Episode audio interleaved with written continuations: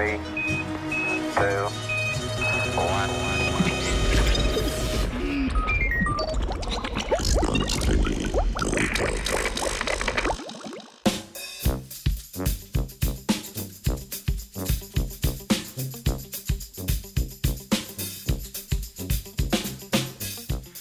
Šokantno v tokratnem jutranjem Britofu ugotavljamo, komu se godi krivica.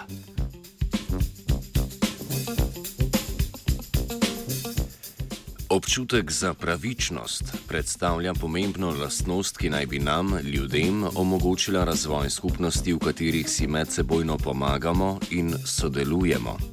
To lastnost si delimo s svojimi daljnimi bratranci in sestričnami, različnimi vrstami primatov. Po principu, če nekdo s teboj ravna slabo, ne sodeluj z njim, pa naj bi se ravnali tudi udomačeni psi.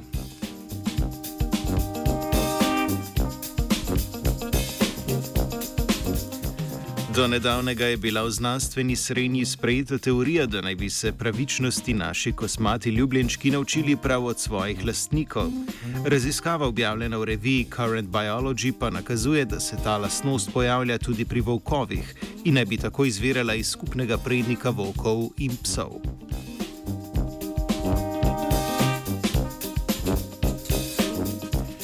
Zasluge za to novo odkritje gredo skupini avstrijskih raziskovalcev in raziskovalk, ki s preprostim poizkusom na skupini desetih psov in devetih volkov ugotovili, da tudi slednji ne sodelujejo, če se jim dogaja krivica.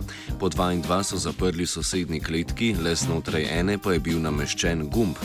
Ko je žival svojo taco pritisnila na gumb, je v kletko prejela slasten obrok. Na začetku poizkusa sta hrano prejeli obe živali, v nadaljevanju pa le tista v kletki brez gumba. Po nekaj pritiskih so živali ugotovile, da njihovo početje nahrani le soseda in ne njih samih, ter so zato prenehale z upravljanjem preproste naloge. V večini poskusov so se volkovi hitreje odzvali na nepravično situacijo kot psi.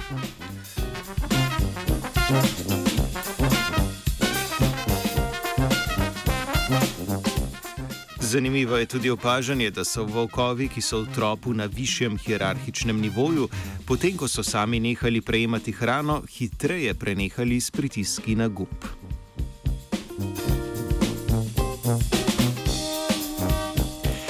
Kot že omenjeno, raziskava nakazuje, da te kognitivne lastnosti psov ne izhajajo iz njihove odomačitve, vendar so se razvile že pri prednikih volkov. Spoznanje, da volkovi hitreje prekinejo sodelovanje, če se jim dogaja krivica, more biti kažejo na to, da je udomačitev naredila pse bolj preračunljive do sprejemanja neenakopravnega položaja.